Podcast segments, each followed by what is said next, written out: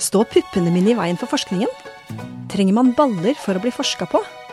Visste du at forskning på mannens helse alltid har dominert? Sanitetskvinnene vet at vi ikke løser kvinnehelsemysterier ved å forske på menn. Derfor finansierer vi forskning på kvinnehelse. Og hva vi har lært, kan du høre mer om i denne podkasten. Tiden er inne for å skrive ut rosa resepter.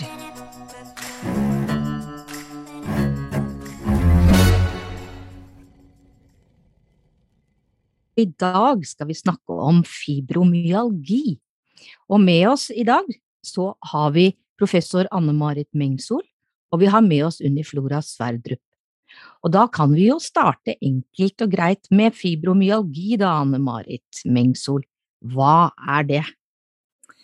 Ja, det er et godt spørsmål, for det har vært det som vi har lurt på i årevis.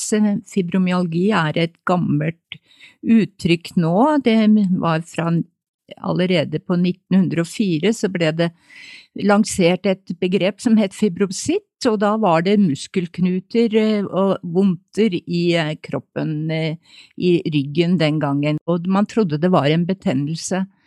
Så har det da blitt fibromyalgi fordi man fant etter hvert ut at det var ingen betennelse, og i dag så er man tilbake til at det er et veldig sammensatt muskel-skjelett-problematikk med kroniske smerter, trøtthet, søvnproblemer og uforutsigbare plager. Og man er også opptatt av immunsystemet igjen. Så det, nå er Men man tenker at det har noe med endringer i, i sentralnervesystemet, det er overaktivt, man tåler nesten ingenting, det er vanskelig å, å få til en hverdag fordi disse symptomene tar så mye plass. Så det er ingen kjent spesiell årsak til dette, men man vet veldig mye om hva slags mekanismer som eh, eh, dette aktiverer i dag. Sånn at man ser på det som et kompleks smertesyndrom, men som er foreløpig vanskelig å behandle. Men fibromyalgi, er det på en måte en sånn paraply? Eh, er det en diagnose, er det en lidelse, er det knyttet til et spesielt organ i kroppen, eller er det noe som tar over hele deg? Både og, kanskje. Det er i hvert fall eh, mange organer knyttet til dette her. Smertene kjennes jo ut som er i muskulaturen, og man har jo undersøkt muskulaturen på kryss og tvers men man finner liksom ikke noen årsak direkte i muskulaturen, men, eh, men, det kjennes ut som det sitter der. Mm. Og den jo da, var jo opprinnelig klassifisert under revmatologi, hvor er opp, man er opptatt av muskel-skjelettsystem. Vi kan jo komme litt tilbake igjen i forhold til kunnskap om forskning om årsaker og mm. sånn, men vi har jo med oss Uniflora, og ja, vil du si det, Uniflora, at du, har du fibromyalgi, du? Jeg har fibromyalgi. Kan du forklare litt om hvordan det kjennes for deg? Eh, veldig forskjellig fra dag til dag. Veldig forskjellig. Du vet aldri hvordan morgendagen eh, er når du skal gå og legge deg. Eh, men én ting som er garantert, du er ekstremt stiv, og du sover garantert dårlig. Det er liksom, det er 100 sikkert. Det gjør du hver natt. Noen ganger så du får liksom ikke den dype søvna, sånn at du legger bare i der mellomfasen, så du er aldri uthvilt. Og når du aldri er uthvilt, så blir du òg utrolig sliten, både mentalt og fysisk. Pluss at du har de smertene som flytter på seg hele tida. Du vet aldri hvor det slår til hen. En gang så kan det være akslene, neste gang så er det hele kroppen. Du kjenner at du klarer ikke å gå. Du klarer ikke å røyse deg ut av senga. Og du har smerter helt ut i hua, kjennes det ut som. Så de verste dagene så kan ikke du gå og ta en dusj. For det kjennes ut som at du blir skutt på med haglskudd eller uh, spikere som blir hiva imot deg. Så vondt er det. Så tårene bare triller hvis du skal ta en dusj. Hvor lenge har du hatt dette, da? Uh, jeg fikk det påvist i 2017. Men jeg tror nok jeg har hatt det mye lenger. Men uh, da så var det liksom Jeg har jobba innenfor renhold og i Nordsjøen i ganske mye år. 10-20-30 år. Eller 20-30 år. Og jeg har jo hatt vondter hele tida, egentlig fra jeg var i tenårene. Sånn ondt men da var det liksom hjemme i Trøndelag så var det, å, det er bare værjekta som slår til. For du merker jo òg forskjell når det er værendringer. Så nå har det vært noen dager med det gydavind som ikke har vært så veldig gunstig attåt, liksom. Så ja. Så når det har, men det har hvert fall eskalert i 2014. Men da har jeg vært gjennom en ekstrem psykisk eh, stress. Så, og det er òg noe som kanskje For jeg merker jo det hvis det er mye stress, så blir jeg mye dårligere. Mm. Og der er vi jo litt tilbake igjen til det som du sa, Anne Marit, i forhold til dette med å prøve å forklare det ut fra et sånn revmatologisk forståelse. Eh, I og med at det er så relatert til muskul muskulaturen, da, på en måte, og ledd og sånn. Men, eh, men, eh, er det mye forskning på dette da, og er det mange kvinner som får dette, Anne Marit? Ja, det er jo egentlig blitt regnet som et kvinneproblem og et kvinnehelseproblem, og det er flest kvinner som eh, har fått uh, dette. Nå er det jo sånn at kriteriene for å få diagnosen har nå endra seg, og da kommer nok også flere menn til å passe de nye kriteriene. For kriteriene var sånn en, uh, fra 1990 at de skulle være, det skulle være trykk trykkømhet, uttalt trykkhemmet på visse punkter i kroppen. Det viser seg at uh, menn i liten grad uh, responderer, eller syns det er et problem, mens kvinner gjør det. Så dermed så fikk nok også veldig mange kvinner den diagnosen, og veldig sjelden menn, selv om menn også slet med de samme plagene. Så her er det kanskje opp, den opphopningen av kvinner, det kan kanskje endre seg litt og bli flere og flere menn framover nå. Er det en diagnose? Er det, er det på en måte en diagnosekode på fibromyalgi? Ja, det har det vært. Nå er det i ferd med å eh, bli litt endra i det kodesystemet, men det har jeg ikke satt meg inn i, så det vet jeg ikke riktig. Men det er, eh, det er, det er en eh, inne i det ICD-kodesystemet. ICD-10, ja. Mm. ja. Og den diagnosen har vart ganske lenge. Det er, I hvert fall begynte det vel allerede på 70-tallet, så ble det mer og mer en diagnose, eller sett på som en diagnose. Jeg tror det i 1990 så kom det inn i klassifikasjonssystemet. Men det er en diagnose som er lite anerkjent, nettopp fordi at man ikke kan påvise den med laboratorie- eller røntgenundersøkelse, sånn som man ellers kan innen eksempel revmatologi da, og medisin egentlig generelt. Så det er liksom rundt dette med mer sånn ubestemthet, liksom, i, i plagene som gjør at ikke du kan finne eh, de klassiske medisinske funnene, da. Eh, ikke sant? Som du da sier at du kan ikke ta en blodprøve og påvise dette her. Men eh, hvordan visste du at det var eh, fibromyalgi i det du har da, Uniflora? Nei, jeg eh, fikk henvisning til Revmatismesykehuset på Lillehammer for artrose og sånne ting. For jeg trodde jo Ja, fingrene er jo sånn som de er, og sånne ting. Og så hun overlegen der sjekker jo det. altså så hun litt på sykdomsbildet mitt at jeg har vært sykmeldt og hatt ondter som har flytta på seg. Uh, Sennebetennelse var jo liksom sånn standard når vi var i Nordsjøen. Å ja, du har bare sennebetennelse, du har jobba litt for statisk, sånn at uh, det går over. Men da konkluderte hun med at hun tok sånn trykkpunktsjekk uh, og sånne ting, at jeg hadde fibros. Jeg ble rimelig paff når hun kom med den diagnosen, for å si det sånn. For det har ikke vært min fantasi hele tatt. Nei, for det er, det er, ingen andre i familien din som har dette, eller, eller du har, føler at du har noe arv i det her? Nei, jeg, jeg vet vel om kanskje ett søskenbarn som har det, men hun har jo ME og alt mulig sånt attåt, liksom. Men det fikk jeg vite etter at jeg har skrevet om at jeg har fått det, da. For det er veldig få som Det er skummelt få som tør å si at de har det om det er som tabubelagt at det er flaut å få fibro, eller hvorfor det. For det er utrolig mange som ikke tør å fortelle sin nærmeste en gang at de har fått fibromyalgi. Eller fått påvist det, da. Og hva tror du er grunnen til det? Nei, det er kanskje det at det er en sykdom som ikke Du kan ikke se at den har det, da. Og det er jo liksom litt sånn at uh, hvis ikke du kan ja, går med krykker eller har synesår, så er det mye vanskeligere å få folk til å tro at du er dårlig, da. Usynlige sykdommer er mye vanskeligere å få anerkjennelse for at du har, da, på en måte, kanskje. Mm. Men du kan vel ha sånne uttrykk av at du har, er smertepåvirket, f.eks.? Ja, men smerter er jo veldig individuelt, da. Er det noe behandling for dette her da, Anne Mari? Ja, det er jo Det er da i hvert fall blitt eh, bedre og bedre, kanskje. Men, men problemet er kanskje det aller største som da Unni eh, er inne på nå, og det er at man eh, blir mistenkt for å ikke være syk, også innad i helsevesenet. Man blir ikke møtt på, på, med forståelse og, og blir kanskje Du får bare få beskjeder om å ta deg sammen. Ja, det, alle har vondt en gang iblant. Jeg sover dårlig, jeg òg. Og det noe som da ikke hjelper egentlig pasientene, det gjør det jo verre. Så det, det er i hvert fall ett problem med hvordan folk blir møtt.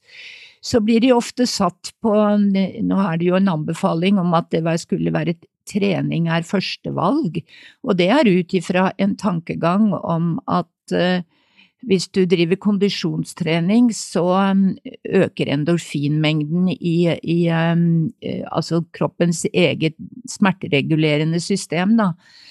I kroppen, det økes under aktivitet, men selv om dette er anbefalt og det viser seg at det kan bli litt mindre smerte, så er jo ikke det verken varig eller veldig mye smertelindring med den behandlingen eller med trening.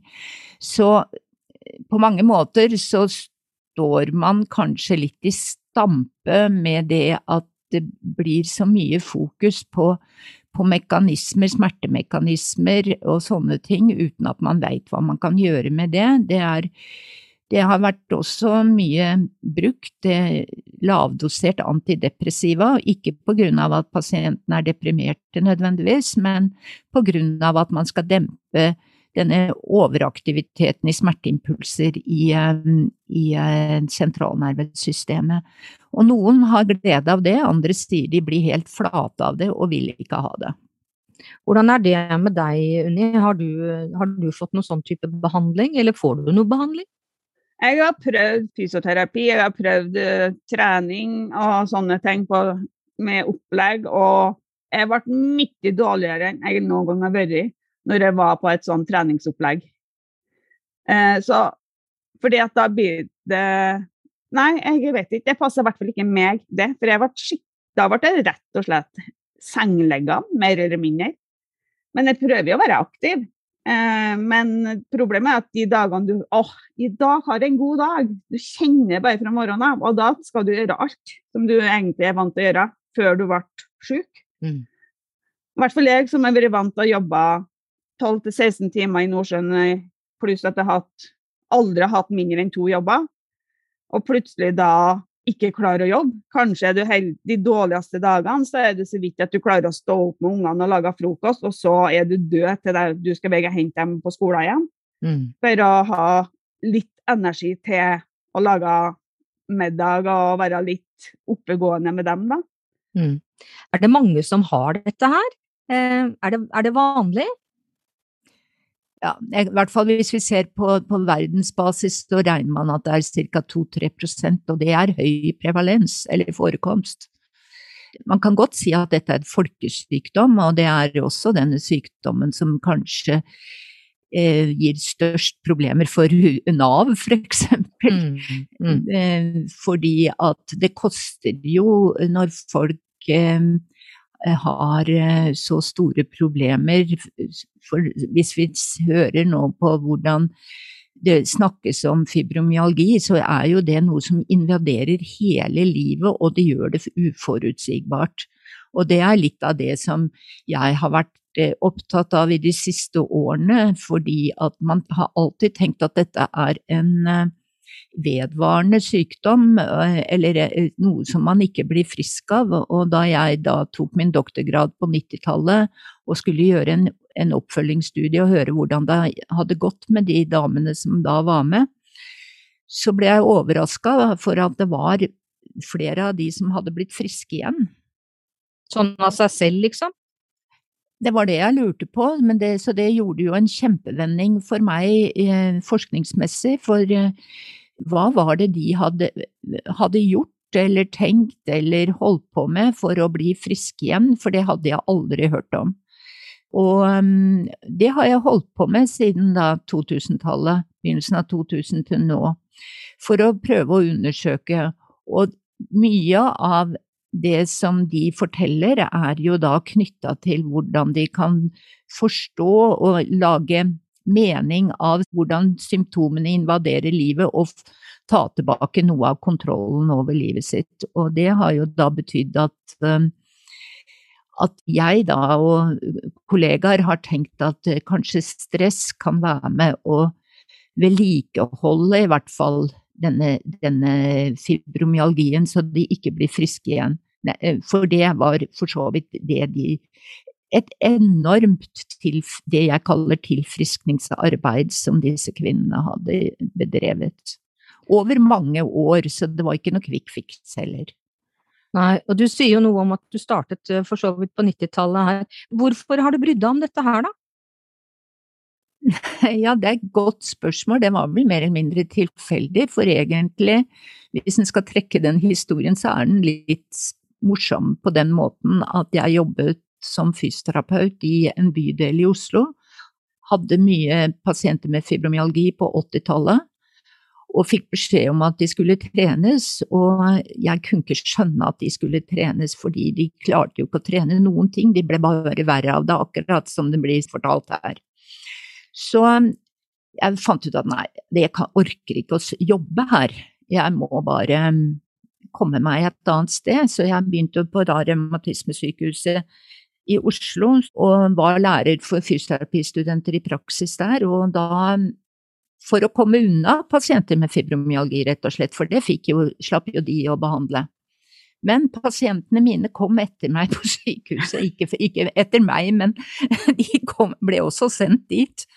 Og på den tida var det veldig mye interesse i, om fibromyalgi på sykehuset, og det ble også en det var doktorgradsstipendiat i, i medisin der, og, og så begynte jeg på en forskningsutdanning i Stockholm, og da hadde ikke jeg lyst til å jobbe med fibromyalgi, det hadde jeg på en måte prøvd å fjerne meg fra.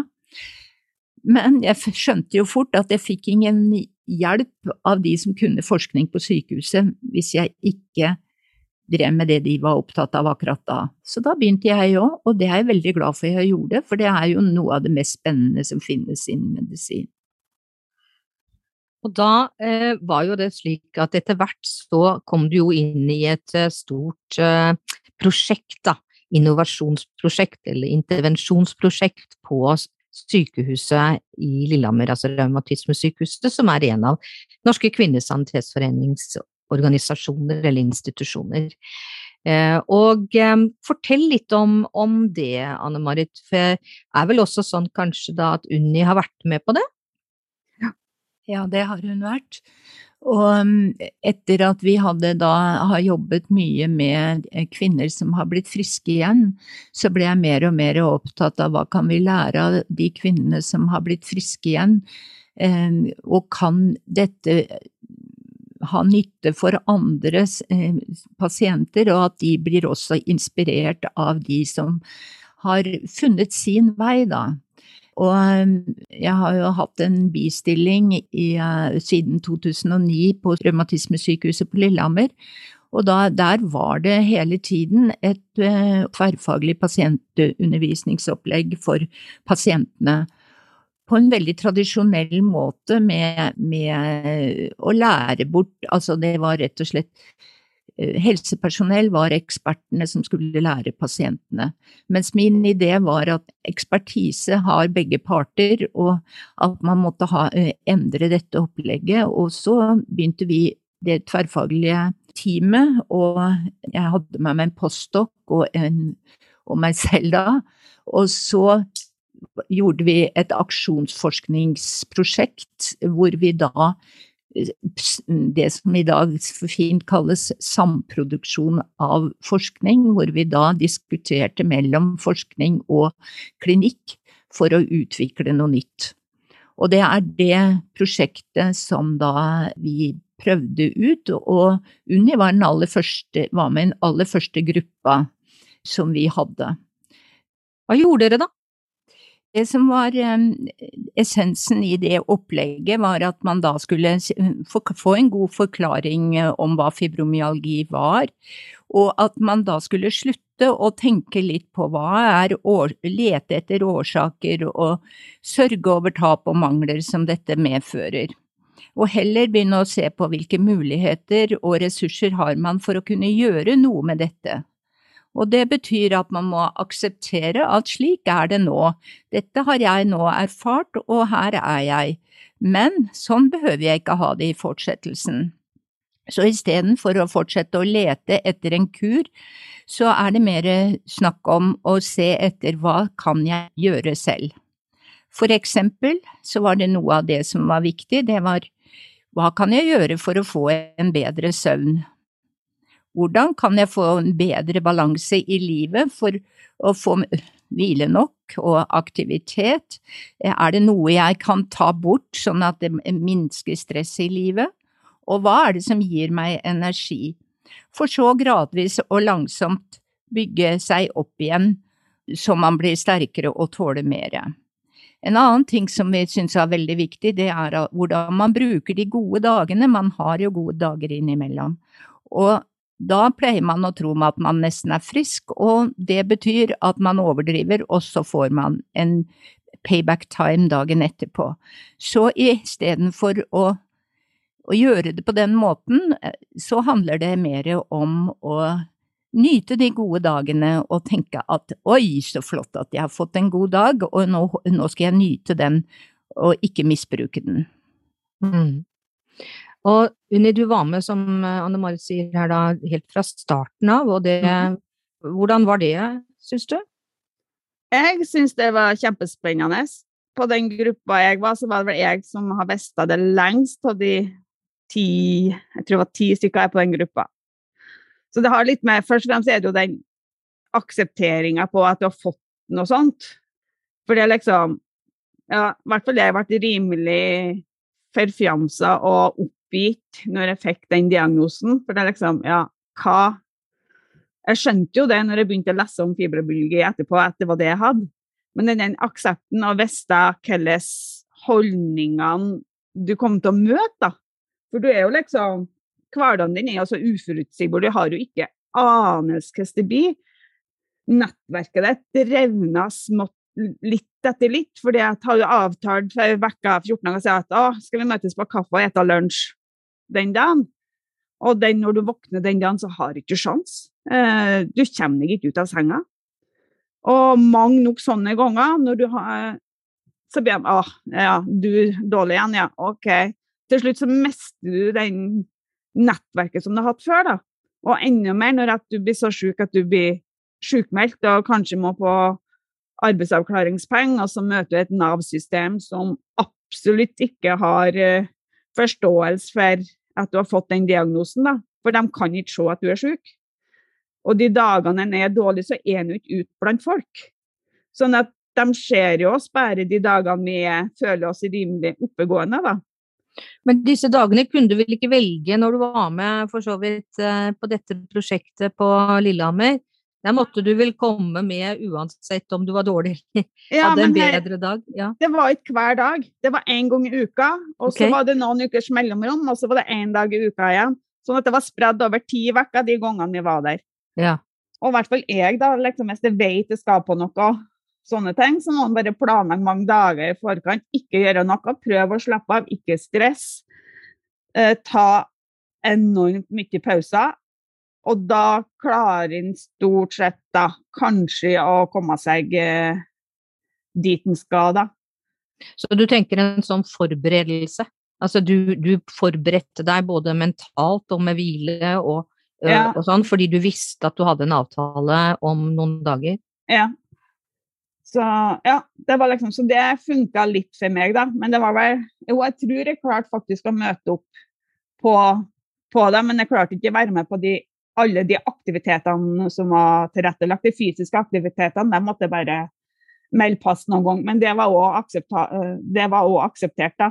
Når vi var på det opplegget at eh, ja, de så jo da at eh, vi ikke hadde noen gode dager når vi kom dit. Mm. Det var så vidt at vi klarte å sige over gulvet. Mm. Sånn at de hadde full forståelse for det. Og så var det at vi kunne sitte og snakke, vi i den gruppa som hadde erfaringsoverføring. Mm. Det var kanskje det som var viktigst for meg når jeg var med på det opplegget, at en fikk snakke med noen andre som hadde, uten at det ble sett rart på.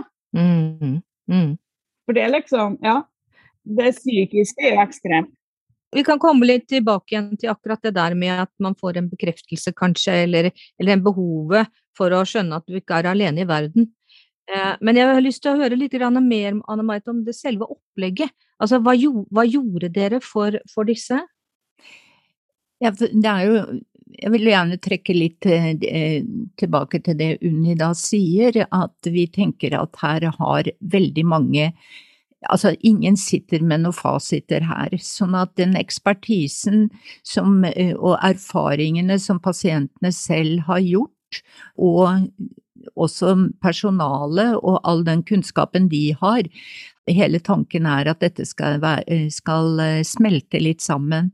Men det er jo selvfølgelig ikke sånn at dette er helt tilfeldig, man sitter ikke og prater, det er tema som tas opp, så det er styrt til en viss grad.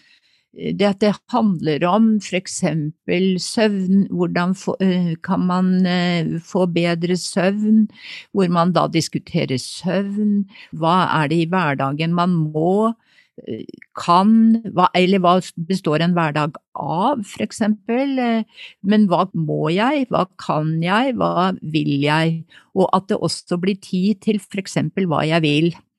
Altså, det er sånne diskusjoner som, rundt sånne type temaer, det vært, ble vel også mer og mer etter hvert, for dette var jo noe som utviklet seg etter hvert, mer sånn fysiske aktiviteter med medisinsk yoga og, og sånne ting, hvor pasienten får kontakt med sin egen kropp. Ikke nødvendigvis halse rundt og trene så hardt, men å komme i kontakt, kjenne etter hva er det som kroppen liker, hva den ikke liker, og prøve å bygge kropp og menneske og sosialt liv opp igjen. Ikke som én og én ting, men noe som kan harmonere sammen, da. Mm. Så det var et nytt tema for hver gang. Mm. Ja. ja. Som, så det var både styrt og fleksibelt. Ja. Dette gikk over hvor mange uker? I begynnelsen var det ti uker, etter hvert så ble det over åtte, åtte ganger i dag så er det jo sånn at dette her har blitt helt annerledes, fordi at det har jo kommet en veileder fra Helsedirektoratet, tror jeg det er, som sier at eh, ansvaret til, for pasientene på både behandling, ja, for behandling av pasientene, den skal ligge i primærhelsetjenesten. Så dermed så har Revmatismesykehuset i liten grad ansvaret for disse pasientene i dag. Så de har hatt noen, eh, jeg tror det er to kveldskurs eller noe sånt noe poliklinisk nå i det siste, men nå har vi prøvd å se på hvordan kan vi få dette over i primærhelsetjenesten. Så vi har et prosjekt, jeg tror det også er støttet av Sannhetskvinnene, hvor vi prøver å overføre dette til primærhelsetjenesten. Ja, fordi det var vel ikke der du primært eh, tok eh, kontakt kontakt, eh, Unni, det var eh, du, du tok kontakt med, med, fastlegen din, eller tok du kontakt med selve sykehuset? Jeg var tilbudt det når jeg var på revmatismesykehuset på Lillehammer og fikk den diagnosen. Så ble det tilbudt oppfølging der, og være med på sånn uh, raskere tilbake, kaller de det da. Ja, Men jeg tenker på den pasientreisen som du hadde innledningsvis. altså Når du ja. da skjønte at det var et eller annet galt med deg, hva gjorde du da? Nei, jeg var jo til fastlegen eh, titt og ofte og følte at det var en hypokonder, egentlig. For hadde, smertene flytta seg jo hele tida. Så det var liksom Men heldigvis så hadde jeg en veldig forståelsesfull eh, fastlege. Og så var det jo der eh, fingrene som begynte å bli litt kronglete med artrosen, så hun som sendte meg til revmatismesykehuset, da. Og da ble det jo den ene diagnosen etter den andre når jeg kom dit. Og fikk tilbud om å være med på de forskjellige sånne grupper og sånne ting. Ja. Mm. Fordi det, det som eh, Anne Marit her sier nå, at du på en måte trekker dette tilbake igjen, eller ikke tilbake igjen, men altså nedover i helsetjenestens ulike nivåer, da, og at det, ja.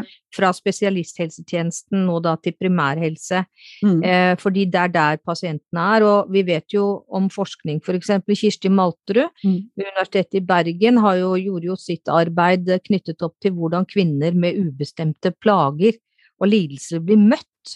I helsetjenesten. Og da tenker jeg noe med dette har vi mange utfordringer for når det gjelder kvinnehelse generelt. ikke sant? Mm. På, på, mange ulike lidelser og diagnoser som, som, man har. Men akkurat her er det nok kunnskap, da. Anne Marit eh, og Unni, er det nok kunnskap hos fastlegen? Er det nok kompetanse i møte med, med fibromyalgipasienten? Ja, det er Hvis jeg skal ta utgangspunkt i hva pasienter forteller meg, så kan det jo høres ut som de ikke er det. I samhandling med, med leger i primærhelsetjenesten, når jeg snakker med de, så er det jo også en stor usikkerhet. De er jo usikre, de òg. Alle er usikre på dette feltet her på mange måter. Eh, og det er forståelig, Én ting er at ting flytter seg og det blir uforståelig og forklarlig for, for um, leger og helsepersonell, for det er jo ikke bare Det er jo i aller høyeste grad fysioterapeuter som er involvert i behandlingen. Så de, det er litt uforståelig for begge parter, og det er det, er det jo også for pasientene.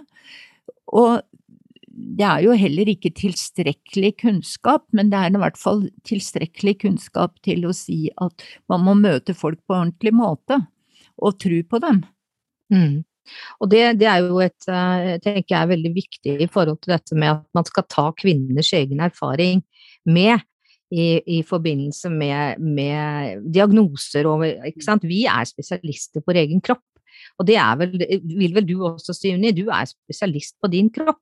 Ja, ja, jeg er det. Ja. Og det er kun jeg som kjenner de ondene som er der der og da. Og med, med fibro da, så har du jo den fibrotåka, eller ja, de som har hatt ammetåke, vet hva, uh, vet hva det er. Og fibrotåka er mye verre, i hvert fall bare det i forhold til meg.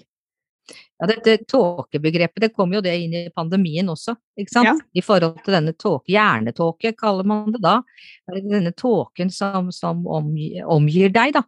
Men fortell litt om eh, hvordan dette her har tatt over, eller jeg vet ikke om det har tatt over, men nei. fortell deg hvordan du lever med det. Um, lever med fibro? Ja, nei. Med fibro, ja, du, du bruker ja. en sånn der eh, betegnelse, fibro, uh, og det er vel litt sånn Mye kortere. Ja. Men fortell, hvordan, hvordan er hverdagen din? Ja. ja. Den er rimelig uforutsigbar, for å si det sånn. Men jeg har jo klart å forholde meg til at jeg kan ikke gjøre det jeg har gjort før. Så jeg har jobba ekstremt mye med meg sjøl på det psykiske at jeg må akseptere at jeg klarer faktisk ikke å, å gjøre det jeg har gjort før. Det er vel den største kneika for meg vært. Fordi om jeg har uh, mye smerter og sånne ting. Og det at ikke jeg, jeg har visst det nå, så har jeg vært Før jeg fikk, ble dårlig, skikkelig dårlig, da, så har jeg jo liksom ferdigvaska huset før åtte om morgenen. Uh, og nå så må jeg kanskje bruke ei uke, hvis jeg i hele tatt klarer det på ei uke. Mm. Eh, og sånne ting. Og ungene kommer hjem, og de har kjempelyst til å gi deg en klem, og så har du sånne smerter ute i hunden at du kan ikke ta imot den klemmen. For det er så vondt. Mm. Så det er liksom Ja, så hvis at du Det er så forbaska dårlig ja, Jeg skal egentlig ikke si det, da, men eh, på at du vet aldri hvordan dagen blir. Er du bra på morgenen, så kan du få deg en bachelor på dagen som at du blir rett og slett sli ut. Mm. Ja. Er det farlig dette her, Anne Marit? Eh, farlig med det at det er dødelig, det er det nok kneppe. Men det er da farlig nok når, folk, når en, en tilstand som fibromyalgi overtar hele livet til folk. Det må man jo si er ganske invaderende. Jeg vil jo kalle fibromyalgi som en slags invasjon. Og jeg vil jo også kanskje av og til omtale at pasientene kjemper hele tida. Det er ikke rart de blir utslitt. De kjemper for, mot den derre Hvis vi kaller fibromyalgi en fiende, da. Eh, så er de som i kamp Eh, kamphumør, eller det er jo ikke noe humør i det, humørfylt, men de er i en kampposisjon for å slå den tilbake hver eneste dag. Og det, det, er jo akkurat dette som jeg tenker er det som også gjør at du kan nesten ikke bli frisk når det er på den måten. Når du får da beskjed om å ta det sammen, dette har vi alle, så er ikke det helt riktig. Det, jeg tror jo heller det er feil. Du, du, eh, du fratar folk muligheten nesten til å komme seg igjen.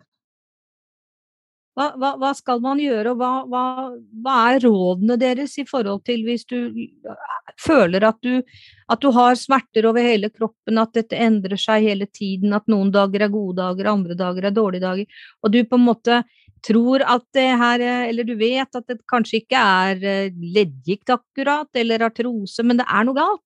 Hva gjør man da? Ja, det er jo det store spørsmålet om det, vi har en oppskrift, og det, jeg har ikke noen oppskrift på dette, men eh, fordi jeg tror det er Altså, når det ikke finnes en kur innen medisin, altså rett og slett en, eller en behandling som gir en kur, så er det nesten opp til folk til å måtte klare å finne, uh, finne sin vei, og det er jo det disse damene som har blitt friske har gjort. De har funnet sin vei, men det er det det hele handler om, er jo, og har vært i deres tilfelle, da, å forstå sine egne kroppslige erfaringer og skape mening av dem, sånn at de ikke er håndterbare.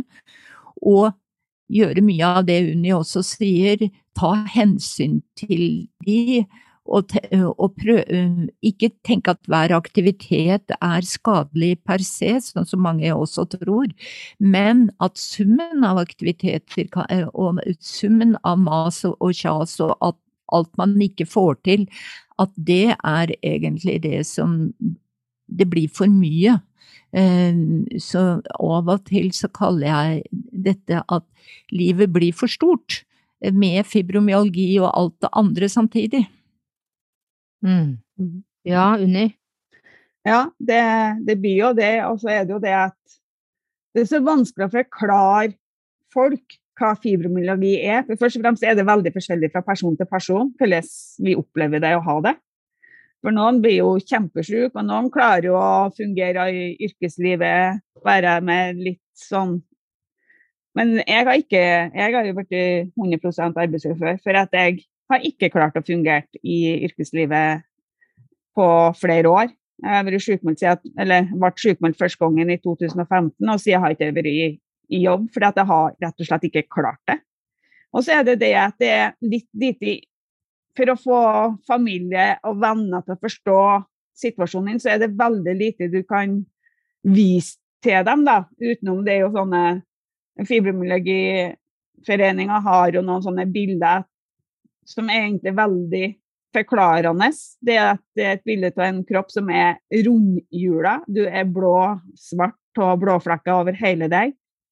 Og sånn kjennes kroppen ut veldig, veldig ofte. At det, du er rett og slett, det kjennes ut som det er skambanker fra under foten og helt opp til hårstråene.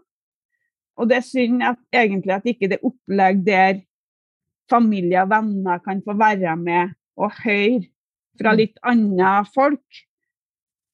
F.eks. sånn på, når vi var på revmatismen, så var det jo snakk om at vi skulle ta med nærmere samboer eller ektemann eller sånn, så de fikk vite litt fra et faglig nivå. For ellers så blir det jo fort at ah, ja, skal du begynne å snakke om det igjen nå? Eh, liksom. Vi har hørt det at du har vondt, men alle har jo vondt innimellom. Mm. Sånn at, eh, så det skulle egentlig være litt en sånne usynlige sykdommer så skulle det være mye mer og mot pårørende, tenker jeg. For å få litt mer, for da er det kanskje litt lettere å tore å si at du har fått det, og at det er en grunn for det, at du er sur og grinete, for det blir du. Når du konstant har vondt, så blir du dritsur. I hvert fall er jeg det. Det er første til å innrømme i perioder. Møkkasur. Ja, som det å rett og slett liksom skape forståelse, ikke sant. Både ja. forståelse Én ting er forståelse for den du møter i helsetjenesten, men også forståelsen hjemme. Ja. Hos din partner og familie. Eh, så er, det, så er det klart eh, Og da hjelper det kanskje, da, eh, Unni, at man vet at du er ikke alene, eller? Ja, klart det gjør det. Og at du har noen du kan snakke med som skjønner det litt. Finnes det noen pasientforening for dere? Det har jeg egentlig aldri tenkt over, men nå har jeg liksom Vi er noen i den gruppa jeg var med på revmatisme, på det opplegget der, som har, hatt kontakt videre. Som snakkes i hop og møtes en gang iblant og sånne ting. Og det er jo det som er så greit når vi har kontakt, fordi at du kan bare vet noe, I dag kan jeg faktisk ikke, men da får du 100% forståelse. Nei, det skjønner jeg. Eh, vi tar det neste gang. Og så håper vi at neste gang så har alle mulighet til å møte opp. Mm. Men det er liksom det at du, du, føler at du sliter ut nettverket ditt, og de detter fra én etter én med det at du må avlyse litt for ofte. Mm. Mm. mm. Eh, til dette med pasientforeningene, Marit, vet du om det finnes noen pasientforening knyttet opp til eh, disse? Jo, det, det, finnes en egen pasientforening i Norges fibromyalgiforbund. Eh, og i tillegg så finnes det en undergruppe i Norsk Revmatikerforbund for pasienter med fibromyalgi. Så eh, det er litt sånn, de er delt litt i to. Den Norges fibromyalgiforbund den har vart veldig lenge. Den andre har kommet til, den undergruppen i Norsk Revmatikerforbund har kommet til litt seinere. Men det som er, er jeg tenker at folk strever så mye på grunn av at, at de ikke blir forstått. De, de um, prøver så godt de kan, og det i seg selv er, er med for, eh, er muligens med og vedlikeholder det hele. Fordi de strever hele tiden. Og kunne man kanskje få lov å være litt snill med seg selv innimellom, så hadde jo det vært veldig bra. Mm. Er, dette, er, dette, er, det relatert til noen av disse livsfasene i livet vårt? Altså, mener, kan du bli dårlig f.eks. For i forbindelse med fødsel? Eh, kan du bli dårlig i forbindelse med første menstruasjon? Men vet vi noe om årsakene? Altså, jeg tror nok kanskje ikke Det er ikke i hvert fall sånn i litteraturen, da, så er det jo mer vonde hendelser i barndommen, med traumer, med ja, for eksempel skilsmisser, vold, vanskelige oppvekstvilkår kan, er ofte sagt at kan være utløsende faktorer. Eller i ungdommen, det, det, er jo faktisk Det starter ganske tidlig, så dette er ikke en gammel kvinnesykdom, eller en sykdom for gamle kvinner nødvendigvis. Det, det er ofte veldig unge damer, og også barn. Og som noen mener at stress er utløsende faktor også, det, men om det akkurat da har noe med livsfaser å gjøre, det har jeg ikke sett så mye i litteraturen at det kan være tilfellet, men i hvert fall er det jo mange da som for eksempel blir verre ved, under menstruasjon. Hvordan er din erfaring der, Unni? Har du noen å fortelle oss? Nei, ikke at jeg merka det i forhold til menstruasjon nå, men jeg i starten, når jeg, tenårene, når jeg fikk menstruasjon, så var jeg jo sprekklein. Jeg lå jo i vekka 14 dager rett ut. Og hadde jo sånne smerter. At uh, det var jo Ja. Så jeg var Jeg lå stort sett ei uke, kanskje to uker hver gang jeg fikk menstruasjon i starten når jeg fikk den. Og det vara helt til jeg begynte med p-pillene når jeg ble, for det var forslag da, at kanskje du skulle begynne med p-piller for å se om smertene eh, roa seg litt, da. men de gjorde jo ikke det da heller. Men så etter jeg ble litt mer voksen, så roa det seg jo ned. Så da var det jo liksom litt mer normalt, da. Mm. Ja. Eh, men Anne Marit, i forhold til dette med forskning eh, For én ting er på en måte forskning som knytter seg til behandlingen. Noe annet er jo den forskningen som knytter seg til eh, hvorfor er det slik? Altså, hva er grunnen til at noen utvikler fibromyalgi? Eh, hvor er forskningsbehovene, og hva vet vi egentlig? Vi, hvis vi tar først da at uh, hva vi egentlig vet, så vet vi i hvert fall at det er en vanlig, en vanlig tilstand, eller en vanlig sykdom, og at det er komplisert. Uh, og det er antagelig veldig sammensatt, hele syndromet, men det er ganske likt erfart. Og det er jo ikke sånn at det er én og én som finner det opp, fordi de snakker om det på veldig lik måte, og det vet de jo selvfølgelig ikke om hverandre, og det er god grunn nok for meg til å tro på det. Eh, når det gjelder, eh, i og med at det er så komplisert, og at det, eh, det involverer så mye, så er det jo hvis vi tenker medisin, da, så vil man jo gjerne finne årsaken, og så ta den bort, eller finne den, det som er feil, og normalisere det. Men når det er så mange ting som er unormalt, så blir det verre. Da blir det ofte, sånn som i revmatologien generelt også, men der har man jo også eh, medisinsk behandling, at det er pasientundervisning å lære seg å leve med. Og den er jo heller ikke helsepersonell forstår så godt hvordan man skal lære seg å leve med dette, så er i hvert fall det noe som jeg tenker er eh, noe man må virkelig jobbe mer med.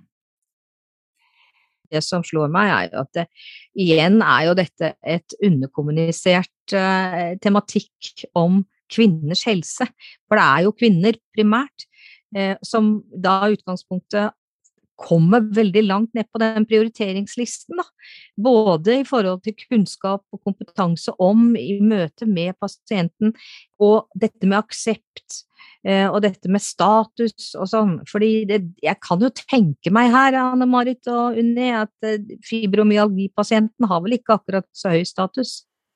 Hvis vi ser på sosiologen Album sin rangering eh, ved å sende ut et spørreskjema til leger, så ligger fibromyalgi helt nederst. Mm. Eh, og jeg har i hvert fall pleid å si at jo lavere kroppen, jo mindre status. Men, eh, men, dette er jo noe som egentlig tar over hele kroppen din da. Mm. Så, det er jo, så, så, det i seg selv eh, er jo da et eh, signal. Og så tenker jeg i forhold til at det er så altomspennende. Ikke sant? Mm. Dette handler både om syke, og det handler om kropp eh, og biologi. Sånn at det er, eh, det og er samfunn. Og samfunn, ja. Ikke sant? Det er et komplekst, utrolig komplekst eh, eh, problemstilling da, og, og, tema. Så det å lære å leve, leve med dette, hva er, hva er dine tips da, Unni? Først og fremst må du jobbe sinnssykt med deg sjøl for å klare å akseptere det. Det er det første pri. Og så må en ta musesteg for å finne ut hva som skal til for deg for å klare å fungere sånn herta delvis. For du klarer aldri å fungere 100 igjen. Så der tenker du det individuelle perspektivet, ikke sant? Ja. ja. Og det er Ja, for du, det blir den tankekverna. Eh, det går på psyken at du må av Ja, at du skjønner det at eh, vennene dine blir dritlei av deg fordi at du må møte opp. Skal du i familieselskap, f.eks., om det er bryllup eller konfirmasjon eller dåp eller vanlig bursdag, så må du kanskje bare sende gubben og ungene vei, for du klarer det ikke. Og da blir det jo liksom Ja, hvorfor møter ikke hun opp nå? Hva er det hun tror hun er? Du får litt uh, sånn Jeg har vært kjempeheldig, så jeg har sluppet den. Men jeg vet det er veldig mange som har den følelsen at ja, akkurat tror hun at hun er noe, hun ikke gidder å være med på en bursdag engang. Hva er det, liksom? Og det er jo sånn som en fikk fra arbeidsgiveren og sånne ting. Ja, hva er det nå, liksom? Hvis du måtte si vet noe, jeg har ikke sjans, jeg må bare hive inn håndkleet. Og jeg har jo jobba som jeg har jobba på helikopterdekket i Nordsjøen med mye tunge løft og hatt ansvaret for det. Jeg har vært i renhold, jeg har vært på kjøkken. Eh, hadde jeg var røykdykker ute i Nordsjøen, så jeg har jo fysisk vært godt, ganske godt trena opp gjennom alle de år. Men plutselig så sa det bare bang, stopp. Uh, og det, ja, det er veldig merka, og det gikk egentlig skremmende fort. Når det først begynte å gå, så gikk det kjempefort i min, min, mine øyne, for jeg egentlig ville være aktiv 24-7. Men det gikk rimelig fort at jeg bare sa pang stopp, altså. Ikke sjans. Og det er òg litt sånn Du føler deg litt sånn nedverdigende at ikke du klarer det. Du klarer ikke å bidra, i hvert fall hvis du begynner i Nav-systemet. Uheldig at du blir sjukmeldt og kommer i det. Så er det jo liksom det at du føler liksom at folk sier å ja, det er snilt der nå, ja. ja. Du skal bli Nav-er nå. Gidder ikke å jobbe lenger. Men det er jo ikke at han gidder. Han har jo forferdelig lyst, i hvert fall har jeg det. Og de fleste har jo veldig lyst til å være med og bidra i samfunnet, men kroppen bare sier stopp. Og det er veldig vanskelig å være ansatt òg, for du vet Jeg tror ikke jeg vet om noen arbeidsgivere som kan ha en så fleksibel arbeidstid at du kan ringe om morgenen. Du, ja, nå tror jeg kanskje at jeg kan komme på jobb. Og så kommer du på jobb, og så møter du veggen så det smeller etter, og så må du reise hjem etter en halvtime. Og da har du kanskje brukt opp alt det du klarer både den dagen og en par-tre dager etterpå. Så det er jo mm. liksom veldig sånn usosial sykdom matta, for du vet jo aldri når du kan være med å bidra. Mm. Har du noen tips, Anne Marit? Jeg syns at eh, den beskrivelsen som eh, blir gitt nå, er jo veldig knytta til at du kan ikke se mennesket utelukkende som biologi eller psykologi, sånn, sånn som man ofte gjør i helsevesenet. Det er et eh, Vi er som mennesker i, i et vi lever et liv i en sosial samhandling med andre, og det trenger vi også. Så da ser man hvor sår, så sårbart det blir når, når, når, man har lyst til så mye, det settes så mye krav. Det, noe er urimelige krav, noe er noen krav som kanskje man gjerne vil oppfylle, men ikke klarer. Alle nederlagsfølelsene, tapfølelsene som dette gir, og det er litt av det som vi har tenkt at alt dette, og det er jo, er jo med på å drive dette her, sånn at det, det gjør det i hvert fall ikke bedre. Sånn at hvis jeg skulle ha noe ønske da for uh, framtida, så er det i hvert fall at man også kunne anerkjenne dette strevet for å få brukt At folk også kunne bruke, legge ned arbeid for å, bli bedre. For jeg tenker jo at det også, og det jeg har lært av disse pasientene som har blitt friske, det er et betydelig arbeid de nedlegger.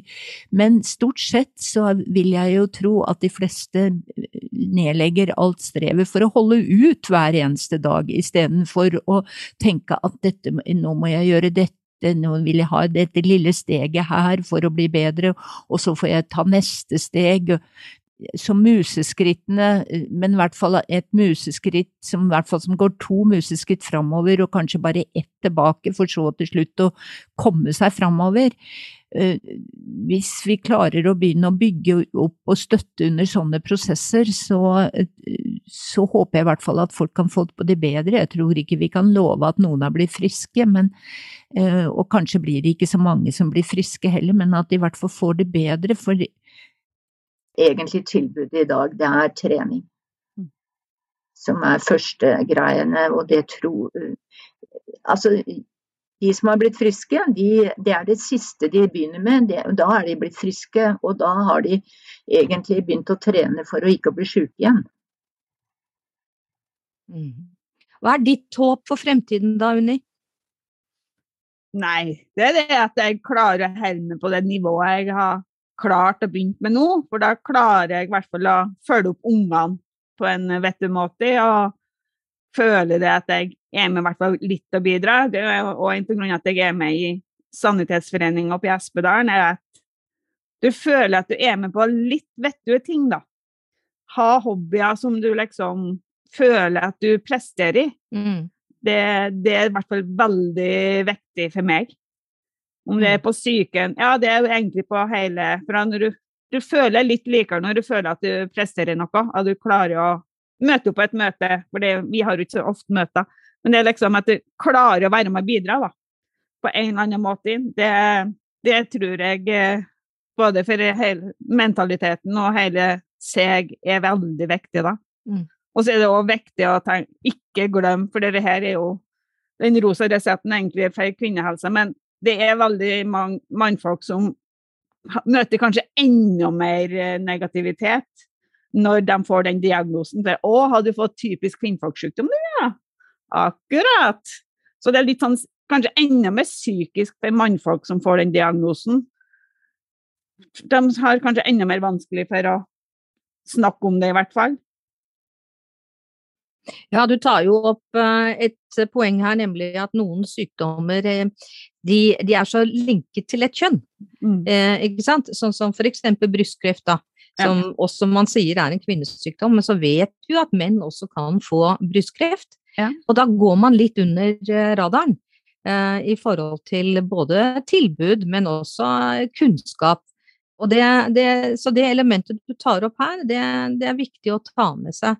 Eh, og det var jo noe av det som Anne-Marit sa innledningsvis også, eh, at kanskje det at menn også nå på en måte blir eh, Altså at de også kan få fibromyalgi, er, er, kanskje med på å øke litt sånn status og litt uh, behov og litt uh, krav i forhold til tilbud, da. Mm. Ja, det, og det kan man jo godt også tenke seg. Man tenker jo at uh, veldig, i hvert fall tidligere, så har nok menn fått diagnosen kronisk ryggplager, mens kvinner har fått fibromyalgi. Nå er jo også mye av mekanismene like. De sykdomsmekanismene ved kronisk rygg er relativt like med det med fibromyalgi. Men foreløpig så har jo det vært mer akseptert at menn har vondt i ryggen enn av fibromyalgi. Ja, Det er interessant det du tar opp der, for det, det gjelder jo egentlig ganske mange, mange områder, da. Eh, I forhold til, til, kvinners helse og utfordringer eh, i sitt liv. Mm. Eh, er det noe vi har glemt å snakke om? Eh, er det noe, noe som dere har lyst til å formidle mer? Og jeg skulle ønske at vi hadde en rosa eller blå resept til, til, pasienter med fibromyalgi som inneholdt noe. Det gjør det, så blir det bra. Det har vi dessverre ikke. Sånn at eh, eh, Men jeg tror jo for så vidt at det har skjedd mye på 2000-tallet, sånn sett at man har, i hvert fall innen forskningen, fått mye mer forståelse av hvor komplisert dette er, og at de som jobber med forskning, det er ikke mange, og sær ikke i Norge, som jobber med fibromyalgi med forskning her, så, så skulle jeg i hvert fall ønske at det var flere som eh, kunne synes dette var et spennende tema å forske på. Fordi vi, her trenger man mer kunnskap, det er i hvert fall ingen tvil om. Jeg vil tippe at det kanskje finnes andre eh, hva skal jeg si, andre områder vi også må vite mer om. Altså en samfunnsøkonomiske perspektivet, hva mm. koster dette samfunnet, eh, er også et, et viktig eh, bit. Og vi har jo sett det når det gjelder f.eks. hva koster samfunn, eller hva koster dette med vold mot kvinner, hva koster det samfunnet? Mm, mm. Eh, og når vi da fant ut at det, at det kostet mellom 4 og 6,5 milliard kroner, da plutselig kom politikerne på banen, da kom fagmiljøene på banen, da kom forskning, da kom tiltakspakker eh, osv. Mm. Selv om vi ikke har nådd målet der, så er det noe med at da øker folks bevissthet, eh, og også tilbudene. Og det, så jeg tror det er viktig at vi vet eh, kroner og øre på hva det koster, ikke bare i form av individuell lidelse hos den som det gjelder, som naturligvis er veldig høy, men også det samfunnsøkonomiske perspektivet. Det. Vi, vi, jobber jo også en del her nå med det innenfor endometriose, f.eks., og at vi har norske tall. Det tror jeg er veldig, veldig viktig. Men akkurat her tror jeg vi har ganske gode tall når det gjelder fibromyalgi på, i forhold til uføre og, og syketrygd.